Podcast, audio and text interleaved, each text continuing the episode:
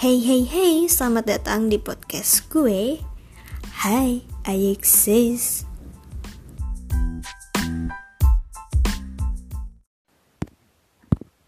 Welcome, welcome, welcome. Kembali lagi di Hi, I exist podcast.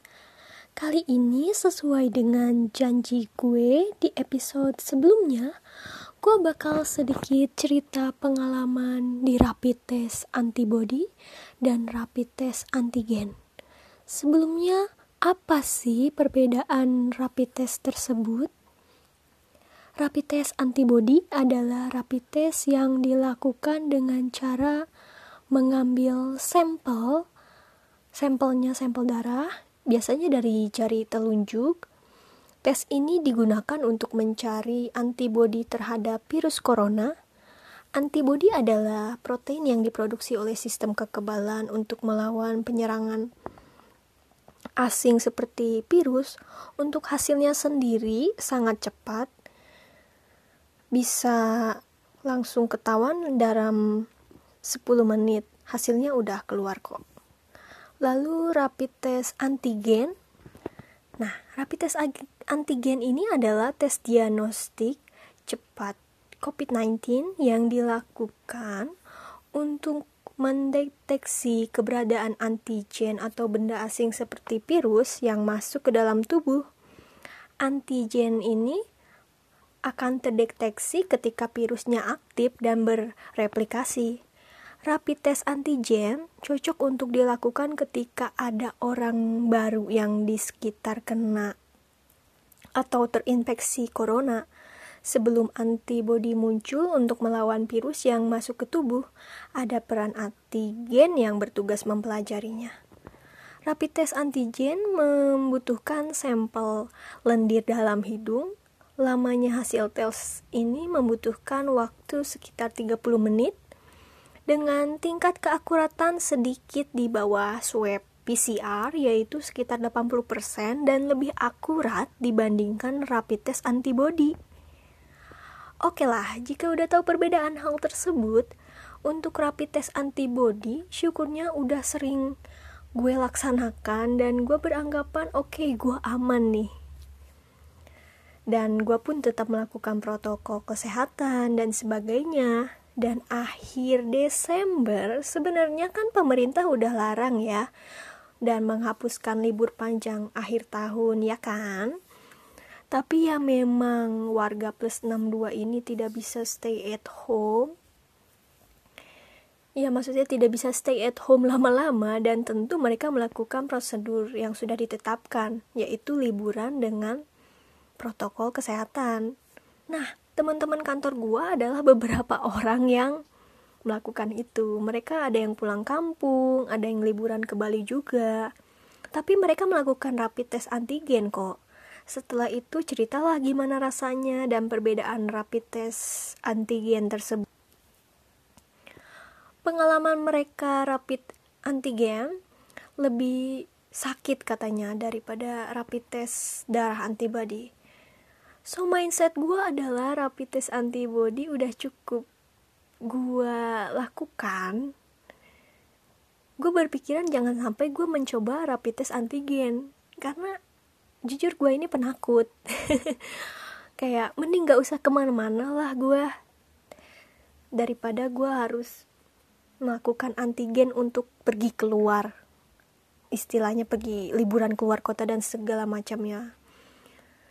Dan itu gue nggak mau gitu. Tapi namanya udah takdir dan ada lagi yang positif di gedung gue. Mau nggak mau kita semua harus melakukan rapid test antigen. Karena kita nggak tahu ya kita sempat ketemu orang tersebut atau bersentuhan dengan orang itu atau enggak walaupun jauh tapi ya begitulah biar aman setelah mendengar hal tersebut, gue langsung shock. Kecemasan yang berlebih yang gak bisa gue hindarin karena gue ada riwayat tersebut. Ya tangan gue dingin, khawatir berlebih. Karena faktanya sebagian dari kita bukan hanya takut oleh COVID itu sendiri, tapi stigma orang-orang yang masih close-minded dan susah menerima lantas menjudge dan sebagainya lebih ke situ sih rasa khawatir gue walau gak semua ya. Semalaman gak bisa tidur. Dan akhirnya datanglah hari H. Pergilah gue bersama teman sekantor sebelum ke lab. Kita makan siang bareng sambil ngobrol dan nguatin masing-masing juga. Jangan sampai kita menghakimi ya jika salah satu dari kita ada yang kena. Tetap tenang ya. Uh perasaan jadi campur aduk deh. Akhirnya sampai lab dan nunggu antrian untuk ambil sampelnya. Jujur lebih takut rasa sakit sih gue dibandingkan dibandingkan tesnya gimana gitu. Kayak gue kan penakut takut parah. Bahkan waktu kecil itu sempat kabur gara-gara mau disuntik dan diambil sampel darah. Jadi ya sampai sekarang gue masih takut sama yang namanya jarum suntik yang namanya ambil-ambil sampel tes kayak gitu. Tapi ya gimana? Mau gak mau harus mau. Tiba giliran gue dan rasanya gak enak bener-bener gak enak. Tapi cuma sebentar kok.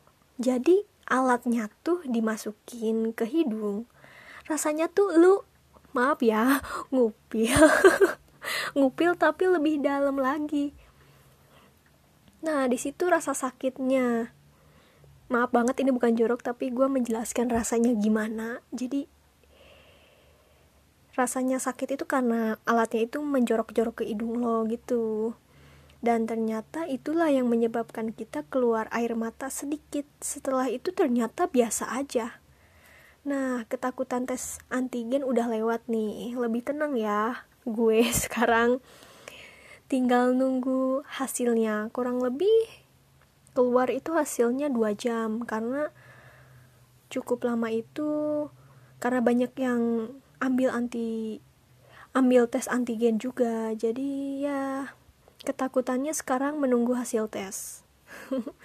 Untuk mendistract ketakutan ini, gue baca-baca artikel How to not freak out when waiting for the test results. Dari situ gue mendapat beberapa poin yang bagus nih. Contohnya, realize you cannot control the outcome, but you can control your reaction. Pada dasarnya kita harus sadar dan menerima kita nggak bisa kendaliin nih hasil tes tersebut. Mau itu negatif atau positif itu udah kehendak Tuhan dan mutlak. Tapi yang yang bisa lo lakuin adalah menerima semuanya apa pun itu dan mengendalikan diri kalian. Gak usah takut karena kalian tidak sendiri dan penanganannya juga ada. Semuanya pasti ada jalan kok. Lalu di poin kedua movement is calming to the mind rasanya pasti was-was ya, takut menunggu hasilnya dan lu hanya terjebak dengan pikiran lu sendiri. So, this is an article menyarankan kalian untuk berjalan-jalan atau melakukan beberapa jenis gerakan. Ya, istilahnya badan kita gerak mondar-mandir gitulah ya, supaya lebih tenang, supaya bisa ke distract karena itu lebih efektif daripada kita duduk terdiam sambil mikirin sambil berantem dengan pikiran kalian sendiri itu lebih lebih mendorong kalian jauh ke dalam ketakutan itu sendiri. Terakhir, tarik napas dalam empat hitungan. Tahan napas selama tujuh hitungan. Buang napas selama delapan hitungan. Setelah tiga kali pengulangan, Kembalilah ke pernapasan normal selama beberapa tarikan napas. Lalu ulangi seperlunya sampai perasaan lu membaik.